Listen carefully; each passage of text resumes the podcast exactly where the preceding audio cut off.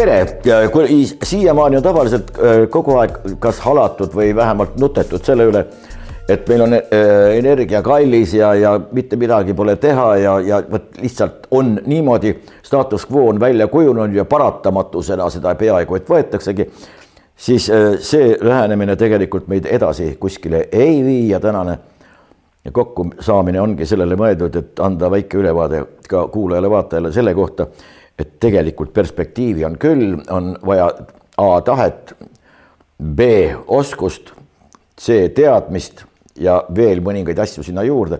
sellest kõigest kipub praegu pu, kuidagimoodi puudu olema. kõik need sotsialismi kunagised võidud, vähevõitu, kehvavõitu, hallivõitu ja kallivõitu, need on, ei ole kuskile kadunud, õigemini need on sii-, kõik siiamaani meie igapäevases pruugis siiamaani käibel, aga olgu pealegi kuidas me edasi hakkame minema ja kõigepealt tere tulemast. Äh, hakkame ääre pealt pihta. mis seisus me täna selle Narvaga oleme? teeme selle ülevaate, siis meil, meil, meil on siit no, hea edasi minna. täna me oleme Narvaga selles seisus, et kui päris nagu aktuaalsetest asjadest rääkida, siis Auvere on remondis. ja on päris pikalt remondis juba olnud ja, ja on veel kusagile siin kuu keskpaika välja. ja kui vaadata seda Auvere remondistatistikat, siis ta ongi tihti remondis, et, et see on. see on loomulik kivi, põle, need ei ole põlevkivikatted, need on kivisöekattad. jah, seal on tehnoloogiline probleem, mida üritatakse lahendada ja nagu me PR-teadetest siin kuulsime, siis nüüd see remont on siis selline, mis äh, parandab olukorra lõplikult, noh, elame-näeme, kuidas läheb, loodame parimat, et äh, aga, aga üldiselt oleme me selles seisus, et äh, et kui meil ühtpidi räägitakse sellest, et on energiadefitsiit, siis, siis tegelikkuses on isegi majandusministeeriumi asekantsler kinnitanud Rahvusringhäälingu eetris, et Eesti suudab oma elektrivajaduse katta. nõus, et me oleme seal napilt võib-olla piiri peal, aga asi, millest eriti ei räägita, on see, et meil seisavad kolm energiaplokki Eesti elektrijaamas mis oleks võimalik käivitada ütleme suhteliselt mõistlike kuludega, ma ei, ei oska siin täpseid kulunumbreid äh, öelda, aga kindlasti oluliselt äh, väikse, vähem raha tuleb kulutada kui näiteks mm, kogu Eesti vajaduse katmiseks vajaliku taastuvenergia ja sinna juurde kuuluva taastu, salvestusvõimsuse ja, ja, ja sagedusjuhtimisvõimsuse ehitamiseks. ja ja, ja millegipärast seda ei taheta teha, sa oma sissejuhatuses mainisid tahet, jah, ma ja. arvan, et see tahe ja, ja julgus äh, teha otsuseid, mis lähtuvad äh, oma riigi huvidest, et see on millegipärast täna puudu, et et ma võib-olla tooks äh, kiire paralleeli siin Saksamaaga, et sakslased teatavasti on olnud selline rohepöörde lipulaev ja, ja roheliste pailaps aastaid, aastakümneid isegi täna võib öelda aga nüüd, kui äh, Venemaa gaasikraan kinni keerati, siis selgus, et see rohepööre, no pööret nagu ei olnudki. aga sakslastel paistab, et julgust ja tahet ikkagi toad soojad hoida ja, ja energiavarustus tagada on, sellepärast et alles hiljuti sakslased said Euroopa Komisjonilt heakskiidu neljasaja viiekümne miljoni eurosele paketile, et oma pruunsööjaamad taas töökorda seada. ja, ja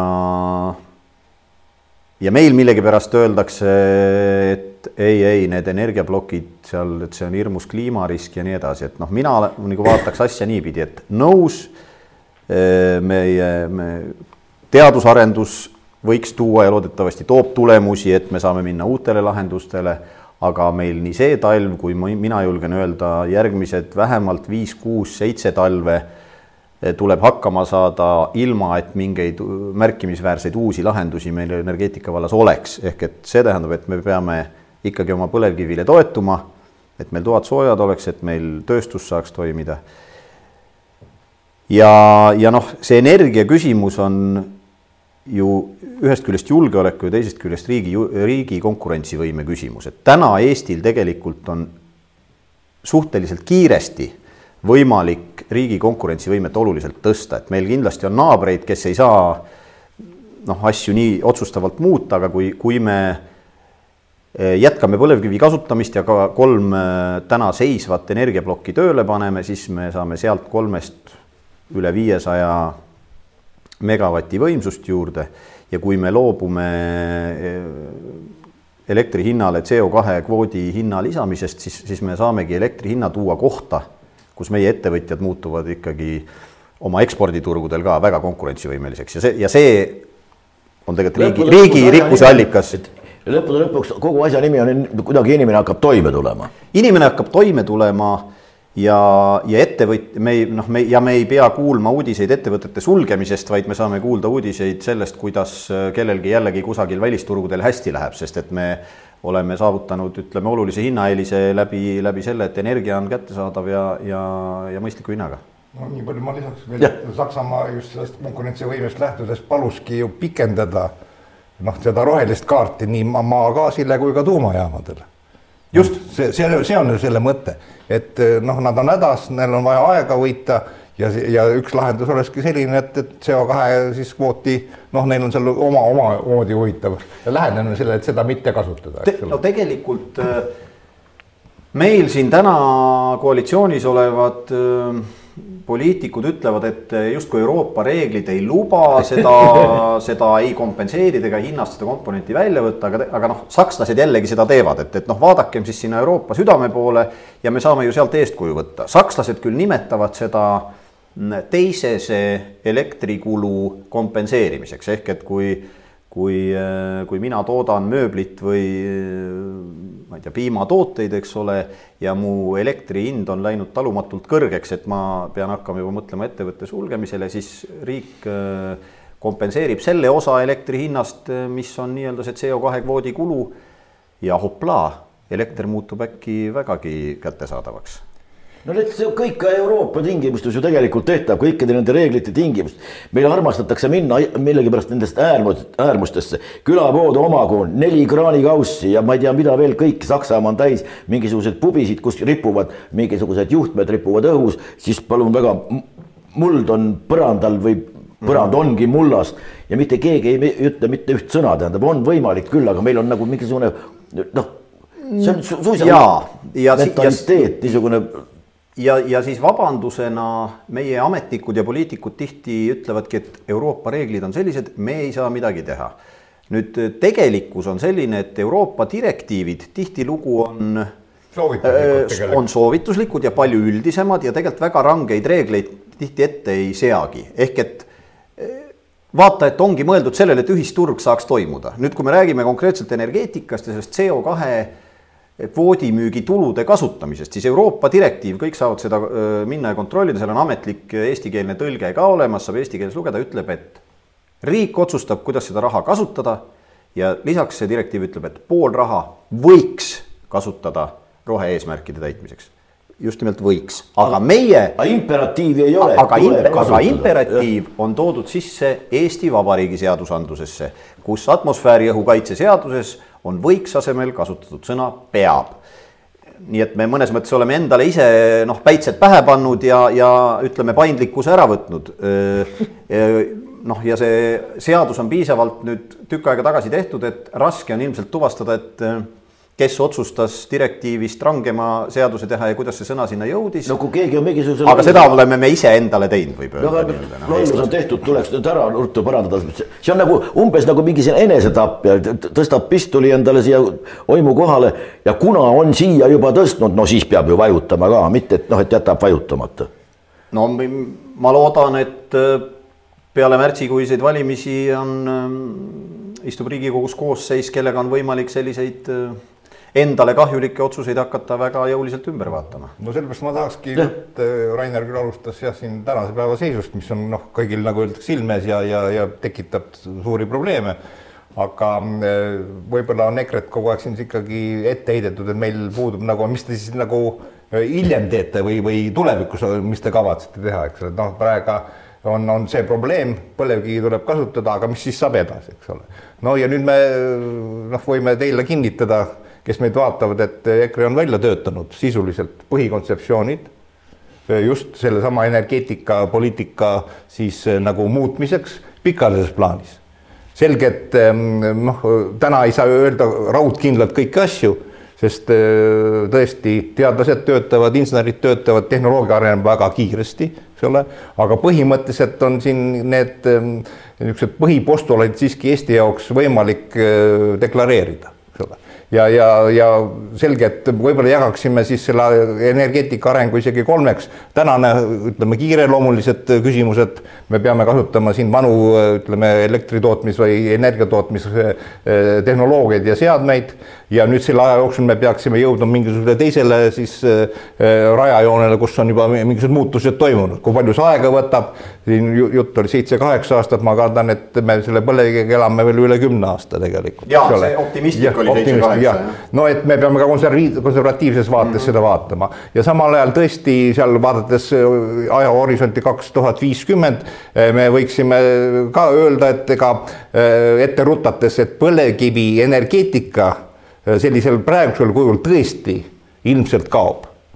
aga äh, põlevkivis on üks halb sõna, põlev. tegelikult on põlevkivi meie suur rahvuslik rikkus see on, see on tooraine, tohutu tooraine. nii et tegelikult on vaja see põletamise sõna asendada hoopiski keemiliste protsessidega ja, ja, ja siin teadlastel on need teemad noh, ammu juba öeldakse läbi mõeldud, kuidas võiks teha. selge, et päevapealt midagi ei juhtu, nii et tuleks hakata sellega tegelema. ja mina toetaks isiklikult ikkagi seda, et, et seda põlevkivi saab kasutada uute keemiliste reaktsioonide tulemusel, mida nimetatakse näiteks hüdrometaniseerimiseks selleks, et toota seda sünteetilist gaasi, noh, mis ongi CH4 metaan, aga see ei ole mitte mõeldud põletamiseks vaid ta on mõeldud keemiatööstuse jaoks. ma ei hakka siin lugema ette, mis tooteid sellest on võimalik teha, aga samal ajal, mis sellega gaasi mõte on ka see, et meil on reservis võib-olla kas Auvere või mingisugused plokid vähemalt juhitavad jäetud sinna nelisada kuni kuussada megavatti, et mingil hetkel, kui tekib tõesti mingisugune katastroof või mingi küsimus, on võimalik seda gaasi kasutada tõesti ka hädapäraselt elektri või, või soojuse tootmiseks, eks ole. ta on olemas, palun, mingisugune avarii, kohe võtame siit, lihtsalt kraan ümber ja läheb sinna. No,. ja, ja kõik need keskkonnanõuded, mis täna on, ma arvan, on võimalik täiesti täita, nii et ma tahan öelda seda, et ega EKRE ei ole noh, ütleme siis selle rohelise energia vastu, eks ole, me oleme selle pöörase hullumeelse rohepöörde vastu. Ja mina nimetaks selle rohepöörde hoopiski efektiivsuse pöördeks sest tõesti, meil on esiteks tohutu raiskamine on energia tootmises, noh, raiskamine vale sõna, ta on lihtsalt äh, kasutegurid on väga madalad, eks ole, ja samuti ka tarbimises. noh, meil on ikkagi meie elamufond ja kõik see on tõsiasi, see vajab soojustamist, eks ole. Noh, mitte nüüd ainult soojustamist, seal on kompleksselt muidugi vaja lahendada neid teemasid, nii et selles mõttes kõik, mis on siin äh, välja toodud, mis on seotud selle, selle nõndanimetatud rohepöördega, me neid ei eita aga meie lähenemine on hoopis teistsugune. Need, need on ju rohelised on selles mõttes radikaalid, kas nii või on naa. Te olete kas mingisugused ilmsad laristajad või meie oleme ainult rohelised, noh, peaaegu et koopasse tagasi või, või midagi taolist, noh, utreeritult natukene, tõsi küll. nii nagu Priit ütles, et äh, me ei ole mitte, ütleme, tehnoloogilise progressi vastu, aga me oleme mingite otsuste nagu enneaegselt eh, tegemise või selle rohepöörde ennaktempos. see on regress e,. E, nõus, et selle mm, ennaktempos millegi tegemine, et mis ma tahtsingi öelda, et see pikk vaade või noh, ühesõnaga Eestis räägitakse helgest tulevikust nii, nagu see saabuks nüüd ütleme esimesel jaanuaril, eks ole. et, et lähme roheliseks, nagu siin hiljaaegu jälle koalitsioon Helge rullis, rullis, no. rullis läbi seaduseelnõu, kus öeldi, et Eesti läheb, mis aastaks oli, kaks tuhat kolmkümmend, sada protsenti taastuvenergiale üle. ei ole võimalik. Läti muide rääkis viiskümmend protsenti. just, just ja aga, aga, aga ma tahangi öelda, et kui me nüüd ennaktempos siin noh, loobume põlevkivielektrist ja ja, ja mida kõike veel, et siis ja, ja ei ole nõus tegema otsuseid, et elekter muuta ka rahalises mõttes kättesaadavaks, siis tegelikult eh, noh, ma julgen väita, et ka eh, areng teaduse mõttes pidurdub, sest et kui me jääme vaesemaks, siis meil on vähem raha eh, et panna teadus-arendustegevusse, eks ole. ehk et kui me teeme neid samme nagu tagurpidi järjekorras, et kui siin Priit räägib, et tulevikus on olemas ja tõenäoliselt insenerid, teadlased jõuavad lahendusteni, mis on paremad kui tänased, siis selleks, et nad sinna jõuaksid, on vaja sinna panna raha. kui me iseendalt selle raha piltlikult öeldes ära võtame, enne kui lahendused käes on, noh siis asi jääb venima või, või helge tulevik ei saabu. Neid inimesi sinna otsa, kes oskavad selle rahaga ümber käia. ja, et, et, et kindlasti peab olema ka sellest põlevkivi energeetikast väljumise strateegia mingit pidi noh kasutaks natuke kulunud väljendit, et selline erakondadeülene noh, riiklik plaan. aga energeetikas need öö, otsused on väga pika mõjuga, et, et selles mõttes tuleks liikuda mõistlikult ja, ja, ja siin lähikümnendiks noh, ka selgelt välja öelda, et see põlevkivienergeetika ei kao kuskile, ma arvan, lähe, lähemaks viieks aastaks tegelikult tuleb need täna seisvad plokid ka käima panna, et ega, ega muidu ei tegelikult välja ei mängi, et defitsiit on nii kogu regioonis. vähendame toot-, vähendame tarbimist, vähendame tarbimist, vähendame toatemperatuuri, kolime mujale, võtame kokku, istume külmas, noh, Aga- aga- paneme, paneme tootmise kinni, on, miks ei ole võimalik, on aga küll. vaata, aga siis juhtubki see, et ega see noh, paneme villased sokid ja, ja kustut, kustutame pooled tuled ära. Et tegelikult see lause sisaldab endas ka seda, et vähendame teadusrahastust. Ei, no noh, vähendame raha igasugustele valdkondadele. sulle piisab teadmisest, et sa oled roheline. paljudele piisab jah, mulle ei piisa. no vot ja sellepärast ongi vaja ikkagi nüüd äh, endale esitada ka küsimus, et äh, miks see, miks energia, ma, ma räägin energiast, ma ei räägi ainult elektrist, on ja selle hind ja kättesaadavus ja ka julgeolek on sellisele väiksele riigile nagu Eesti väga oluline. tähendab, mis on meie konkurentsieelis? Me peame endale aru andma, eks ole, pikka aega oli odavad, odav tööjõud. Meie konkurentsieelis, no nüüd seda ka ei ole enam. No mi- mille, mida me siis siin. Jõud on jah, et ja teine konkurentsieelis, kuna ma ise olen noh, ütleme sillainsener ja, ja eelkõige ehituskonstruktsioonidel olen siin äh, teadust teinud, siis äh, teine väga tähtis eelis on ikkagi logistika ehk tihe teedevõrk ma mõtlen kõike äh, transpordiliikide jaoks, eks ole, veetransport, õhutransport, raudtee, maanteed, eks ole me oleme üks tihedama, ütleme teedevõrguga maa maailmas, kui mitte esimene. ja see annabki meile, kaubad liiguvad kiiremini, odavamalt, efektiivsemalt, inimesed liiguvad, eks ole. no nüüd oleme jõudnud selleni, kus ka teedeehitusse enam raha ei panda. Ja ma, ma, ma olen no, tõesti ei saa ilma, no ei taha väga muretseda ja juuksed tõusevad püsti, võtaks võib-olla läbi huumoriprisma seda asja, aga me ise ju hävitame omaenda konkurentsivõimet eks ole, no see, see on selles mõttes sadomasohhism, eks ole, nii et. aga see peab hea olema. no ja, aga vot EKRE sellega nõus ei ole, nii et meie pakume ikkagi välja reaalseid lahendusi, kuidas sellest asjast välja tulla. selge, et rasketel aegadel on äh, vaja ka suuri otsuseid ja, ja peab nägema suurt visiooni. me oleme nõus, et, et täna kõik need tehnoloogiad, asjad ei ole veel sündinud ja, ja noh, püant ongi selles, et, et selleks, et seda investeerida sinna nendesse uutesse tehnoloogiatesse on tõesti vaja kasutada fossiilseid kütuseid ja sealt teenida seda raha seda siis panna. uued lahendused välja töötada. roheline mõtlemine, see on, see on, see on, see on Anna-Lena Baerbock Saksamaal, see on sihuke Grüne Erbsen nagu noh, nagu nad seal ise teda nimetavad, roheline hernekene. kes räägib sellest, et praegune sõda näiteks ei ole üldse selline öö, nagu oli üheksateistkümnendal sajandil, kus liikusid ainult tankid. no rohelise jaoks liikusid juba üheksateistkümnendal sajandil tankid edasi-tagasi ja see on siis praegu Saksamaa suur ja tähtis välisminister nii et Eesti. Roheline. ja, aga no Eesti, vaata, kui me läheme ju natuke inseneri loogikalt või ka teaduse loogikalt. No vot, see võiks olla. no ma tahtsingi öelda, tegelikult on Tallinna Tehnikaülikool, Maaülikool ja ka Tartu Ülikooli Keemiainstituudis töötatud välja väga huvitavad lahendused ja, ja, ja meetodid, mis sobiksid Eestile. me tahame öelda, et need on olemas. Need on olemas ja. mitte see ei ole mingisugune umbluu, et noh, me peame hakkama alles midagi mõtlema, see on olemas. ja, ja Eesti saab toetada omaenda ressursile, me, meil oleme selles mõttes ideaalses olukorras ikkagi, meil on noh, põlevkivist natuke rääkisime, võib-olla energeetilises mõistes tema osatähtsus võib hakata kahanema tulevikus ja hakkab. aga ta on täna meil olemas. ta on meil olemas, aga meil on nüüd ääri-veeri räägitakse nüüd sellest biomassist, eks ole. Mina väidan, et biomass on Eesti jaoks üks võtmesõna tulevikus, eks ole, kuna noh, Eesti on aju, hästi hajutatud ju maa, eks ole ja, ja kas see biomass on võimalik ära hajutada, nagu öeldakse, või selle kasutamise viia ka rahvast biomassi tasemel no,. pigem üks põhimõte ongi see, et see energia tootmine tuleb viia tarbimisele lähemale. noh, ma olen seda ka öelnud ja seda võimaldab just kasutada eelkõige biomass, eks ole, on ta siis väheväärtuslik puit. noh, okei okay,, siin räägitakse, no raiemahtusid vaja vähendada, aga ikka tekib seda jääke sinna, eks ole, nii et see on meil olemas ja teiseks on meil võimalik kasvatada nendel samadel mahajäetud maadel, mida meil on ligemale nelisada tuhat hektarit, selliseid taimi.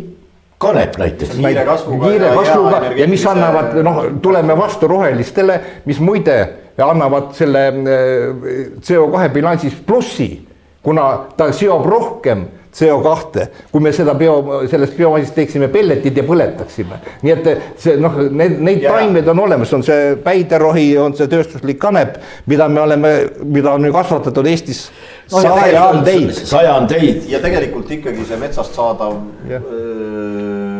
see puit, mis noh, olgu need siis öö, oksad ja raidmed või ka, või ka noh, haiguste tõttu kahjustunud puud ja nii edasi, aga, ma tahtsin selle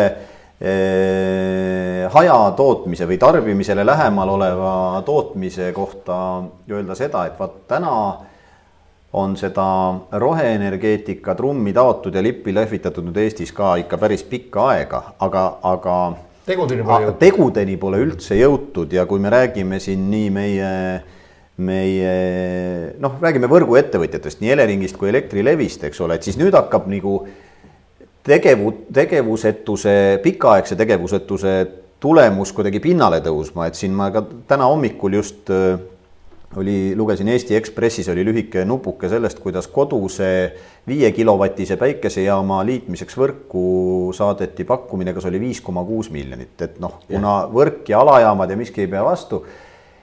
et, äh, et see on asi kuhu suurte loosungite kõrval on jäetud panustamata, olgu see siis rohe, tänases mõistes, eks ole, päikese- ja tuulepargid või ka seesama biomassist energia tootmine, aga, aga võrk täna meil seda absoluutselt ei toot-, toeta ja need investeeringud sinna on mastaapsed, mis on vaja teha, aga mida ma julgen väita, mis äh, nii vestlustest inimestega kui uudiste põhjal silma hakkab, et inimesed täna tegelikult päris aktiivselt mõtlevad noh, oma kodudes ja ka ettevõtjad mõtlevad energiatootmislahendustele, olgu need väikesed äh, tuulikud, päikesepargid, äh, minu pärast puugaasist, eks ole, e, e, peab olema, kui seda omavahel jagada.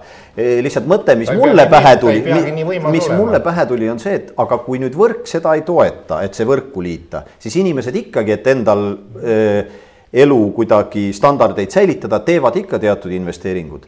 ja siis nagu minu küsimus nüüd pikas vaates on see, et ega need võrgud on olnud ka üks hea ilmarahvalt maksu kogumise vahend ju, eks ole, võrgutasud ja muu ja hiljem sa saad võtta dividendina.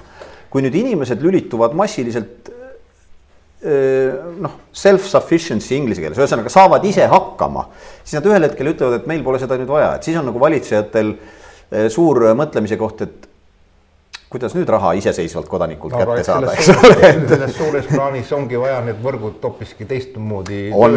mismoodi? tähendab see noh, ma ütlen, korraga ei juhtu midagi, kõik küsivad, mis homme saab, eks ole, tegelikult võtab see aega muidugi.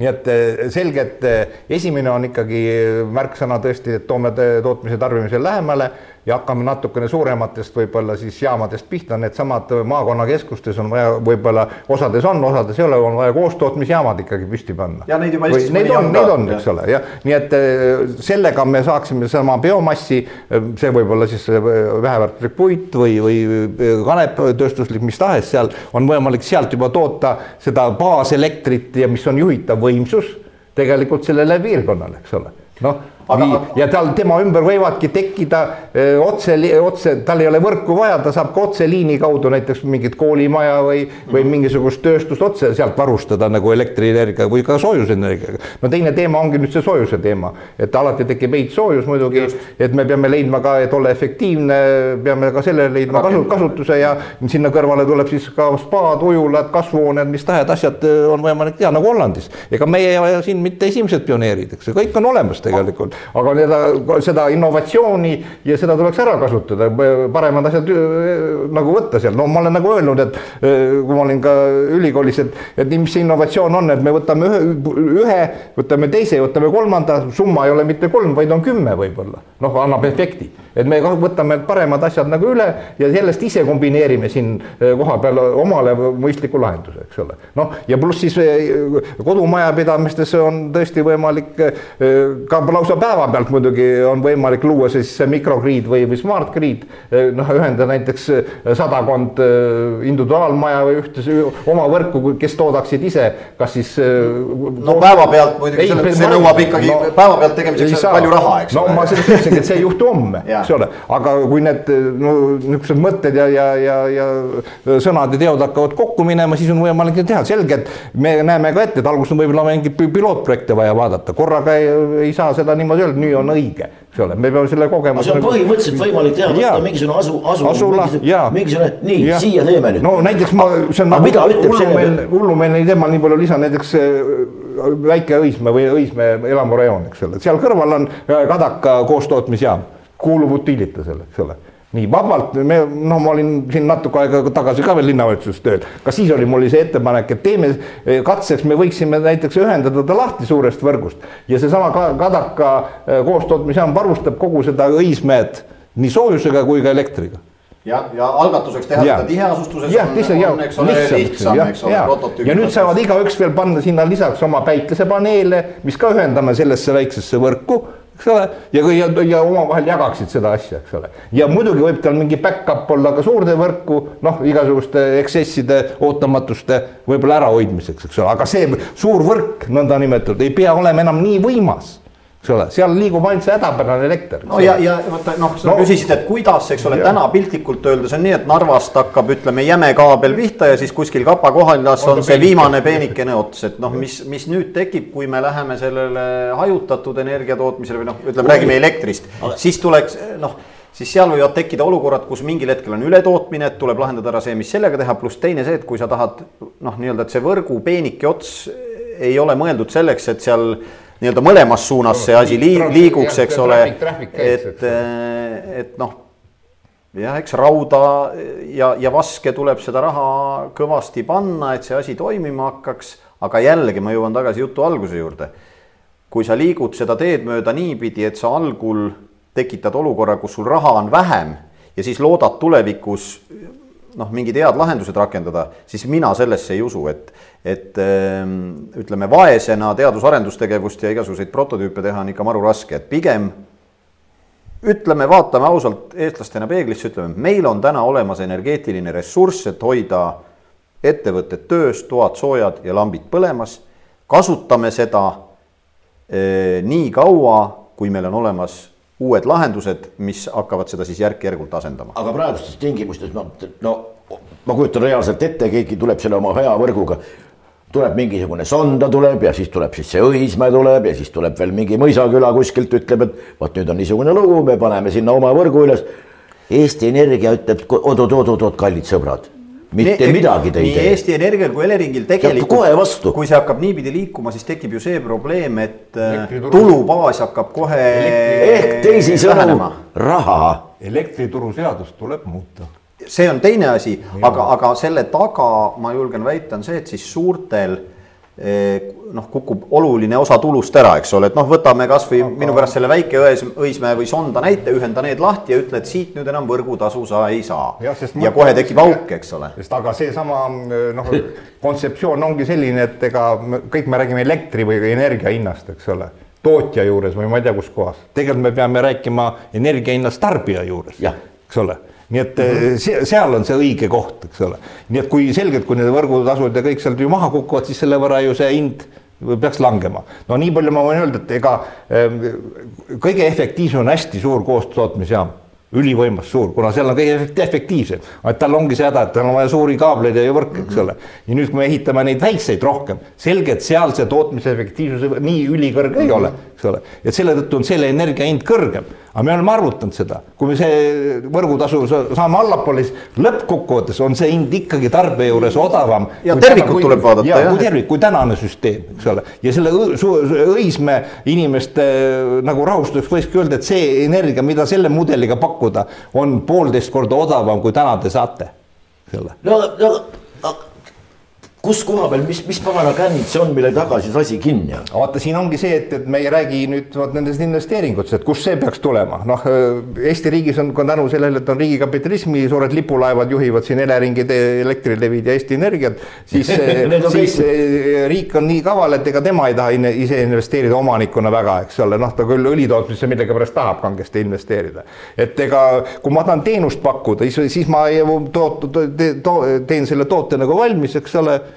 noh, ma pean riskima, kui me räägime eraettevõttest, eks ole. ma lähen, kui mul oma kapitali ei ole, ma püüan võtta võõrkapitali, selleks on ka igasugused võimalused, eks ole, aktsiaemissioonid või mis tahes. noh, nii kuidas see Ameerika siis ikka üles kasvas, eks ole. Polnud seal ei pankasid ega midagi, eks ole inimesed panid oma raha sisse, nii et, et ehm, kui mul on hea plaan, siis ma ju pakun teenust, eks ole, noh, minu jaoks on ka, oleks see mõistlik.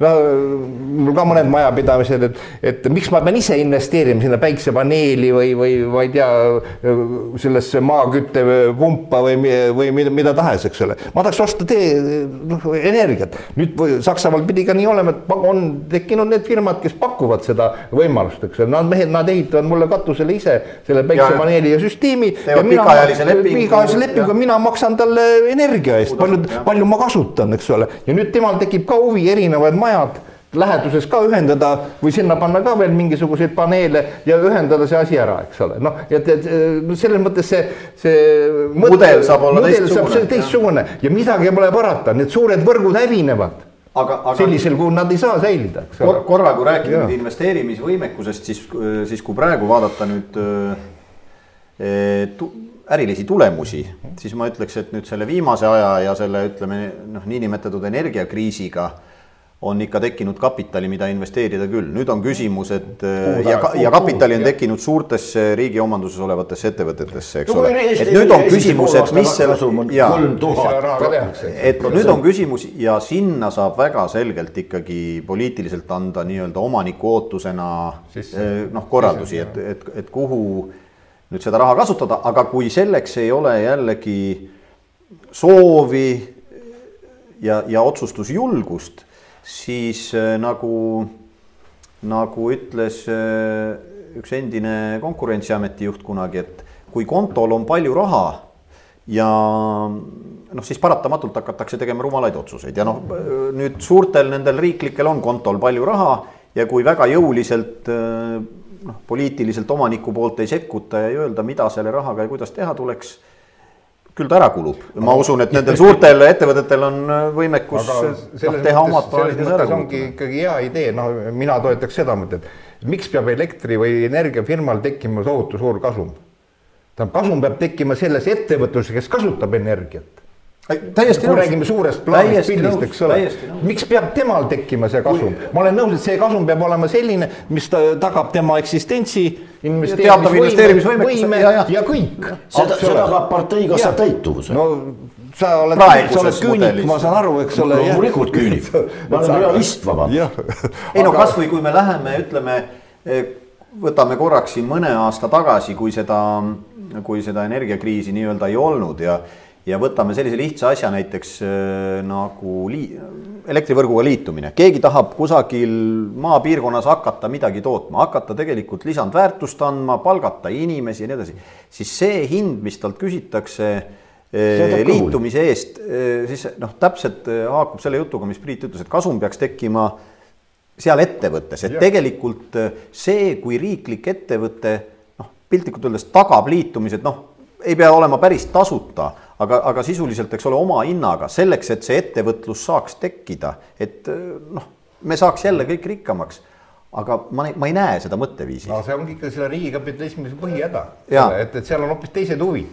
kui seal oleks eraettevõte, tal võib tekkida kasum energia tootmisel nii, kui see on äh, nagu tsiteerides Karl Marxi, kui on sada protsenti, siis läheb vere laskmiseks, eks ole. aga siis tekib ju konkurents, ma tahan ka saada nii palju kasumit, nüüd tekib sinna kõrvale ju teisi firmasid, ma eeldame seda. no see on see Ricardo Smithi nähta, nähtamatu käeteooria, eks ole.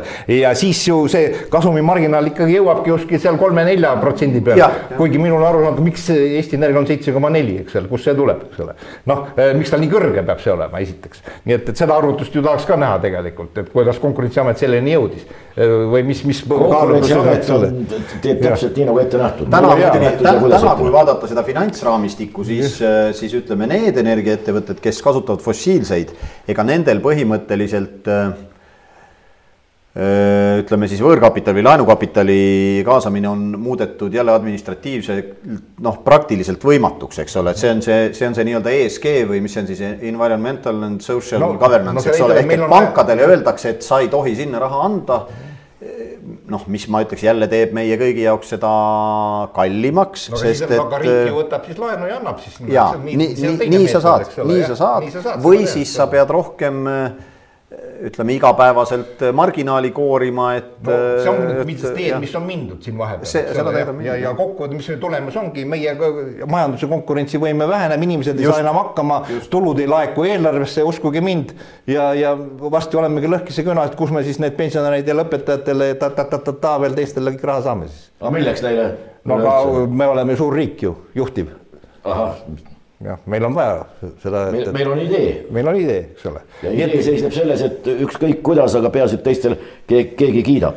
ja see praegune noh, nii-öelda jutumärkides soe tunne, mis mis poliitikutel ja ametnikel, kes see, on valitsuses, see ajutine soe tunne, mis on nagu maksude ülelaekumisest siin ja see noh, ja ka energiaettevõtetest on võimalik võtta dividendi. see no, ma see... arvan, pöördub maru kiiresti ja. Äh, üldse mitte nii soojaks. selle häda ongi selles, et see on inflatsiooniline tulu. selles mõttes, et selle taga ei ole reaalset väärtust, eks ole. selle taga on noh, ärme ütle õhk mm. -hmm. Aga... rätsep õhk ja tema õnneloos. no aga õhu müümine on ju praegu populaarne kogu no, see. aga see ei, aga see ei võimalda seda riiki arendada, see, see raha, sest eh, kuna ka si muud hinnad on ju tõusnud, kui me tahame investeerida, me kaotame selle, selle võidu, nagu öeldakse, ikkagi ära eks ole, me ei võida sellest mitte midagi tegelikult reaalsus no, saab ja. päris kiiresti meid kätte ja, ja, ja selgub see, et, et õhu müümine on tore. selle üle kohvikus kohvitassi või veiniklaasi taga arutada on tore, aga lõpuks peab keegi tööd ka tegema ja, ja, ja lõpuks peab on... reaalne väärtus ka kuskil no, olema. kasutaks kantseliiti, võitu on küll, aga see on negatiivse väärtusega no,. mind häirib ikka selle juures see, et, et see võit või kaotus, tegelikult kaotus no, tahetakse kanda tavainimeste õlgadele need, kes neid otsuseid on teinud, need väärotsuseid, need ei vastuta mitte millegi eest. see on teine teema, mis siin Eesti meie energeetikas ka on, eks ole, et keegi ju nende protsessidest sisult ei vastuta, ma ei tea, kas me, see aitaks meid, aga kindlasti aitaks. Kui oleks mingi vastutus, eks ole. see on Eesti praegune üks minu meelest fundamentaalne puudus, senikaua kuni ei kehtestata isikliku vastutuse ja kompetentsi printsiipi, on väga raske midagi teha aga seda eh, noh, selleks on vaja jällegi, ma jõuan nende märtsi valimiste juurde, selleks on vaja ikkagi tahet ja sellist koalitsiooni, kes on, kellel on julgust otsuseid teha, sest et eh, noh, olgem ausad äh,. ametnikkond on kasvanud suureks ja võimsaks ja nüüd ühel poliitikul äh, hakata seal suundasid muutma. noh, see nõuab tarmukust, et äh, loodame parimat, et Aga... kevad toob neid tarmukaid inimesi koalitsiooni. no aga lähtume sellest, nagu Varro vist Vooglaid ütles, et nii, lepime kokku, mis on Eesti rahvuslikud huvid. kõigepealt, eks ole, ma olen nõus, et kui rahvuslik huvi on rohepööre, teeme ära, eks ole. kui see on, läheb meie huvidega vastuollu, nagu ta põlevkivi puhul on läinud, siis me ei saa sellega leppida. siis ei tee. ei, me oleme nõus, et pisitasa me selle põlevkivi teemaga, nagu öeldakse, lähme edasi, eks ole ja, ja me saavutame selle, selle, selle nagu öeldakse, lõpptulemuse, mis rahuldab ka neid rohelisi ilmselt, eks ole. see võtab aega, eks ole, selleks on vaja muuta väga palju mõttelaadi, väga palju regulatsioone, on vaja, vaja investeeringuid äh, leida ja teha ja, ja nii, et kogu see ühiskonna toimimine läheb natukene teistmoodi, eks ole. nii et tegelikult on ikkagi vaja selgelt välja äh, käia see, et, et äh, mis on need Eesti huvid, eks ole noh, ja kui Eesti huvi on olla konkurentsis võimeline siin maailma, ütleme, tööjaotuses siis meil on ainukene võimalus siis olla. siis lähtume reaalsusest ja meie plussiks peakski saama odav energia ja selle energiaga me saame siia nii ise investeerida mingisugustesse tootmisesse, noh ette rutates. tegelikult see ei ole minu tõde. Ida-Virumaa on Eestimaa kõige ütleme potentsiaalikam piirkond, eks ole kui me targalt oskame, jah, jah, ja, ja, ja, ja no kõik probleemid seal laheneksid ära, eks ole aga, aga millegipärast ei ole seda siiamaani nagu tahetud teha, eks ole. nii et eh, selles mõttes me peaksime siis oma nõrkuse, kui me räägime Eesti huvidest, oma nõrkused kõigepealt selgeks saama, selgelt, kui me tahame olla sõltumatud, no mis on meie nõrkused olnud, seesama Vene gaas, meie ja. sama import, masi, autokütused eks ole, noh, me peame leidma nendele, kui me nüüd räägime, hakkame minema sinna suurema plaani poole, et kuidas seda küsimust lahendada, eks ole just selles vaates, et me tahaksime olla ühe odavama energiaga riik Euroopas, eks ole. ja kui me anname sinna ka veel logi-, logistika juurde, uskuge mind, see Eesti noh, paljud on öelnud, ta on ju hästi varjatud maa saladus, eks ole, tegelikult nii puhast õhku, nii ilusaid metsi, nii palju puhast vett. vett. Ing, inglased tulevad siia, hoiavad peast kinni, kuidas on võimalik, et on võimalik ujuda meie järvedes, jõgedes. Noh, nad ei ole reostatud, kõik on puhas, eks ole, nii et, et, et. aga praegu, ühesõnaga jällegi küünik, vabandust, ma olen küünik, toome aga muudkui juurde äh, igalt poolt praegu slaavlasi suur osa nendest on kaevurid, varsti öeldakse, et neil ei ole mitte midagi teha, aga miks mitte kõik sinna ma maha. Rail Baltic valmis, lai tee, vagun sõidab tühjaks, noh. Ja siis kaob, ei ole vaja meil ka põlevkiviga tegeleda, sellepärast et seda enam lihtsalt ei ole no aga nüüd, kui rääkida nendest uutematest noh asjadest, mis siin on buumi mõistes hakkavad tekkima, on siis tõesti need tuulikud ja päikesejaamad, eks ole. no nii ette rutates, tegemist on ikka üles väga üles haibitud teemaga, eks ole. kui me noh, räägime ikka realistlikult nendest asjadest, siis äh, tuulikud võivad toredad asjad olla, aga kui tuult ei ole, siis ikka ei saa sealt mitte midagi, eks ole, nii et meil peavad olema ikkagi mingisugused kompensatsioonijaamad, mingisugused stabiliseerimisjaamad ja, ja siin Saksamaa kogemus näitab, et investeeriti, raha on investeeritud kaks korda, aga energia tootmine on ikka sama, sama tasemel, eks ole, noh, et, et siin peab ikkagi mingisugune muu muutus toimuma, nii et miks, miks need tuulikud ja päiksejaamad, ega me ka neid ei eita, me, meie noh, ütleme EKRE mõte on ikkagi selles, et, et sinna korvi ei tohi, noh, seal peavad olema neid munasid ikka hästi palju, eks ole. esiteks peavad need korvid ja munad olema. jah, et ei tohi kõiki asju panna ühte korvi, vaid, vaid siin seda laiali, kus on võimalik, seal igal juhul on, on see tuuleenergia kõik mõistlik, aga nüüd me jõuamegi natukene võib-olla tuleviku teemadesse selles plaanis, et tõesti noh, näete, Euroopa Liit võttis vastu otsuse, et kaks tuhat kolmkümmend viis enam siis sisepõlemismootoritega autosid müüa ei tohi, eks ole. noh, see teema oli juba ka varem üleval, aga nüüd on siis nagu ametlikult see. no mingi tööstur nagu, on, kellel kõik no, kinni maksnud. no nii, no selle peale on Nikita Sergejev Hruštšovi kriitikud on öelnud, aga see on ju voluntarism no, nii et, nii et me, eh, ma ei, no me noh, ütleme, mina ka natuke teadlasena näen siin teatud ikkagi võimalusi, eks ole. jälle, mispärast? kadunud Endel Lippmaa on välja arendanud Eestis ikka selle kütuseelemendi niisuguse koolkonna.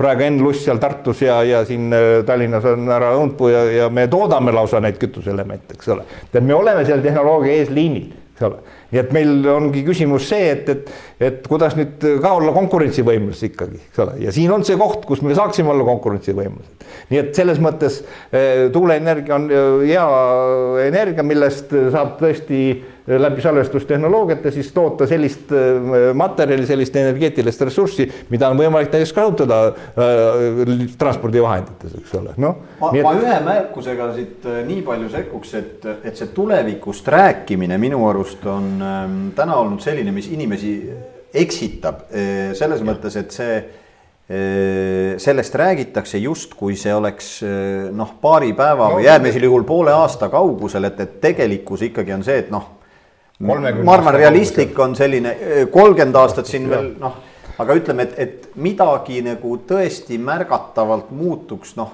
kümme aastat äh, on selline optimistlik, et siin ütleme septembris äh, oli üks konverents, kus selle Enefit Greeni juht ütles, et, et kui nüüd jalad kõhu alt välja võtta ja tõesti tegutsema hakata, siis, siis optimistliku stsenaariumi järgi võiks kümne aasta pärast olla kaks ühe gigavatist äh, meretuuleparki meil, noh.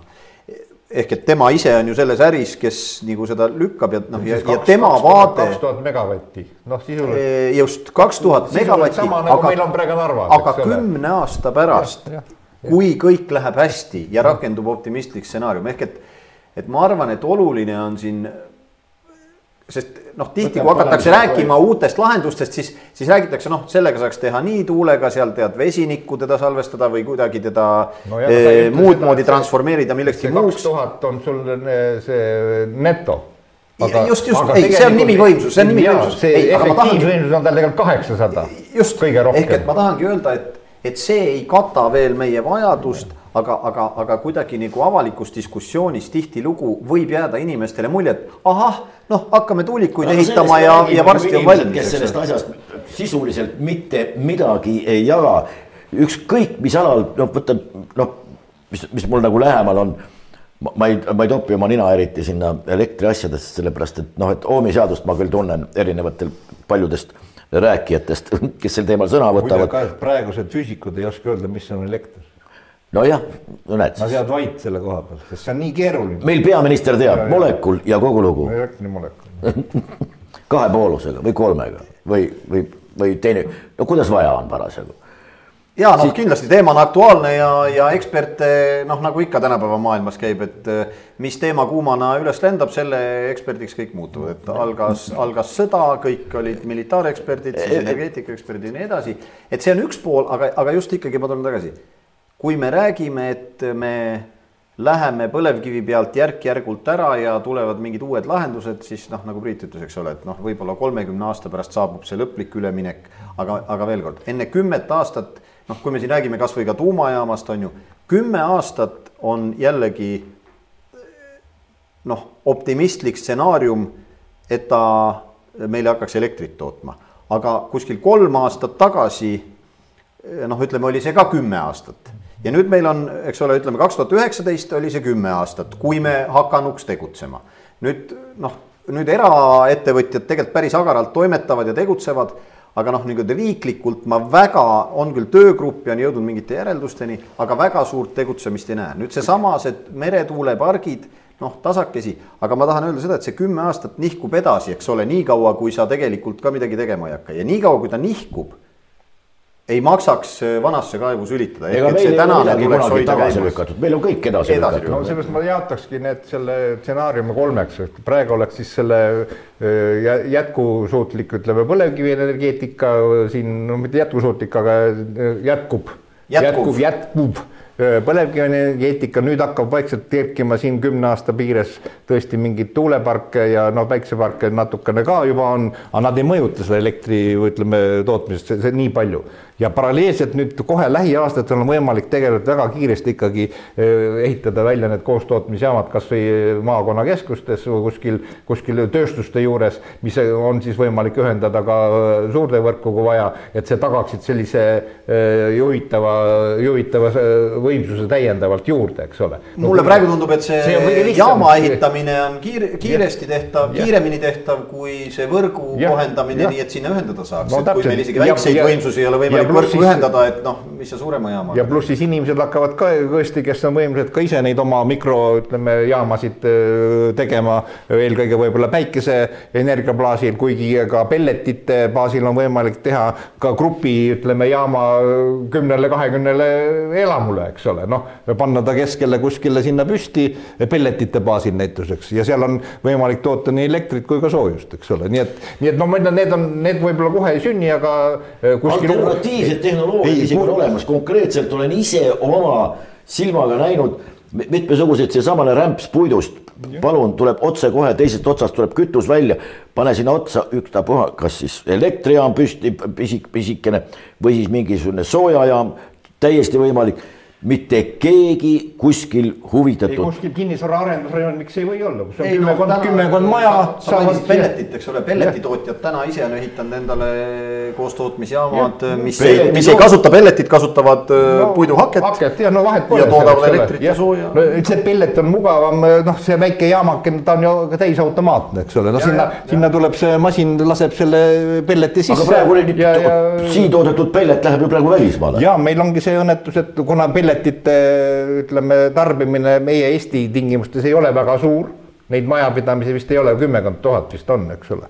nii et ta ei ole väga suur, siis on see ju mõnus business äh, väljaviimiseks, eks ole, noh, nii et äh, ma ei lava. subsiidiumide toel jälle. jälle jah, jah, jah, et no ei, see on business, ma saan aru, et nad teenivad nüüd sellega raha natukene meie küll loodusressursi arvelt, aga no kui see praegu selline on, no siis midagi pole parata, kui meie oma tarbimine hakkab kasvama, siis nad saavad ka seda siia, küsimus on nüüd hinnas, eks ole, et no, me peaksime, meil, sest ega noh, üks asi on see varustuskindlus ja energiajulgeolek, aga meid huvitab ka ikkagi odav hind, eks ole. võiks siin ikkagi vahel olla, et kall- kallid sõbrad, kõigepealt varustame ennast ära ja siis, kui midagi üle jääb, siis vot siis müüge, kus tahate. no nõus jah, selliste kriitiliste toodete Noh, ja toorainete kui, osas ju kui, noh, kui isegi Biden kuulu, oli nõus kuulutama nafta riiklikuks äh, strateegiliseks ressursiks, et seda mitte välja viia, siis miks me võiks oma puidu materjalid analoogselt Täpselt- täpselt teha, niimoodi. nii et eks me õpime suurematelt ikkagi, täpselt sama on põlevkivi kohta, kõikide nende toorainete kohta.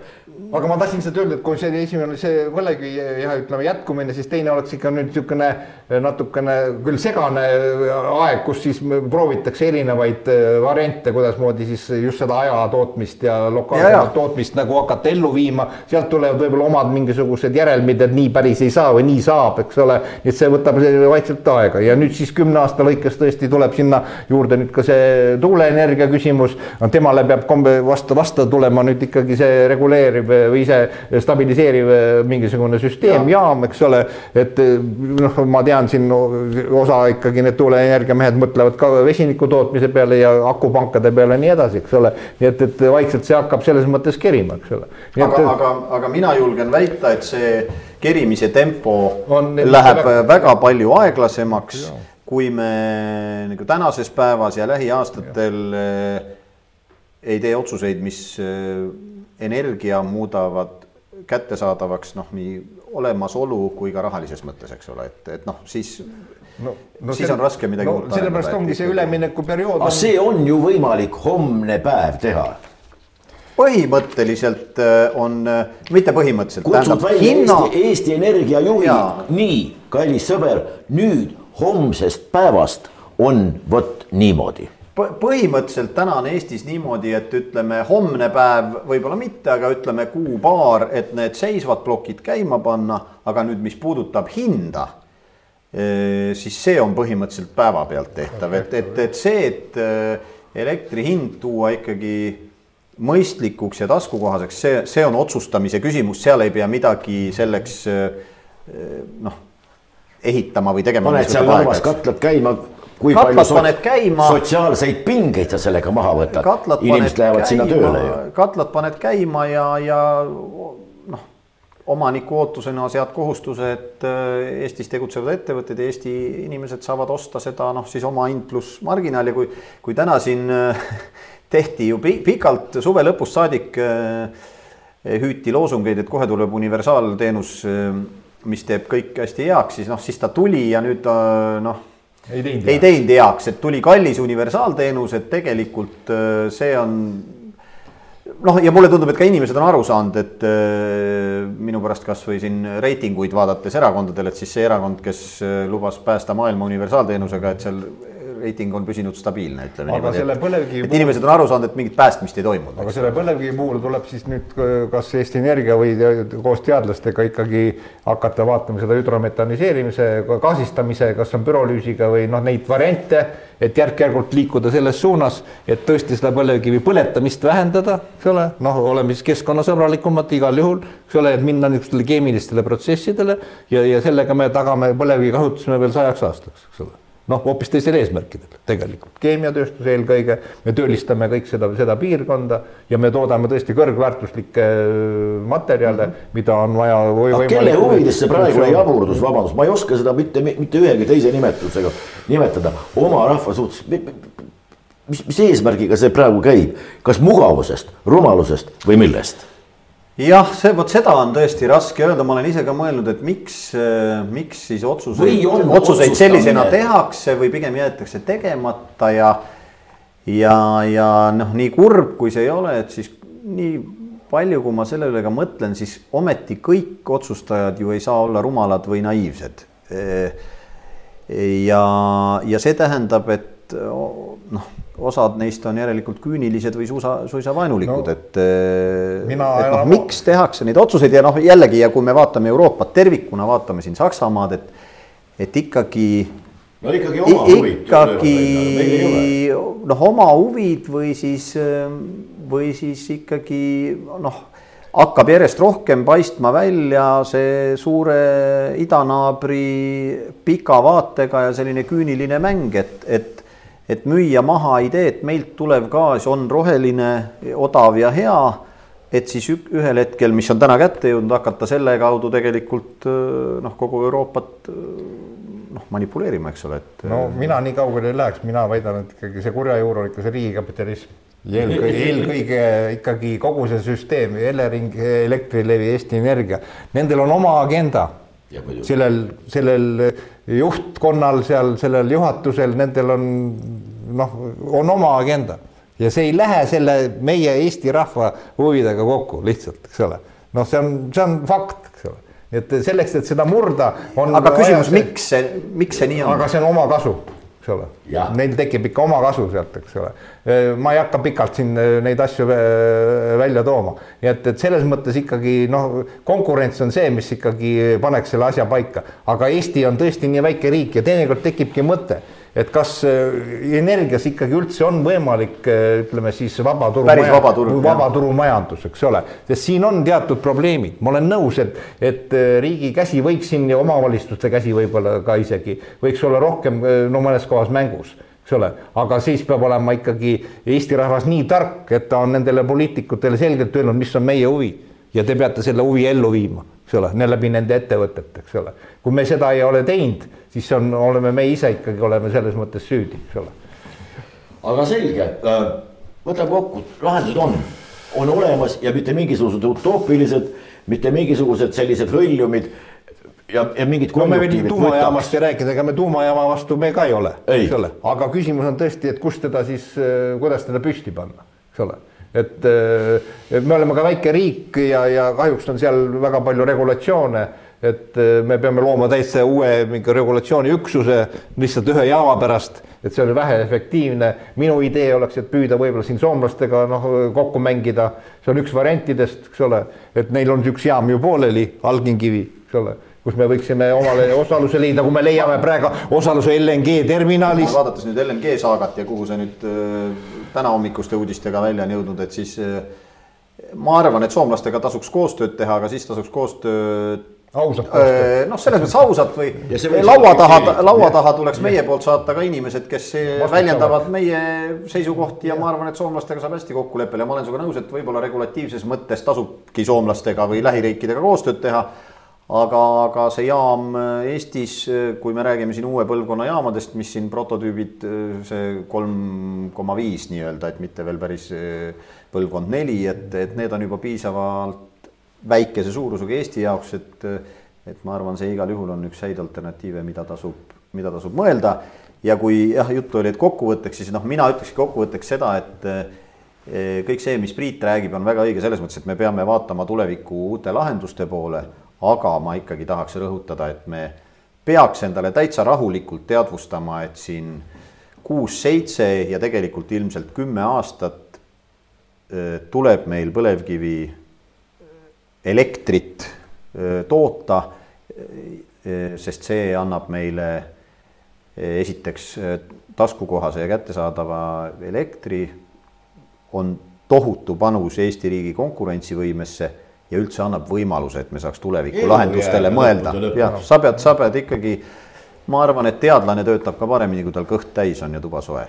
aga tänan, nagu tuleb välja, kõik lahendused on tegelikult olemas ja, ja juba mitte ülehomme, vaid juba täna ja homsest rääkimata rakendatavad.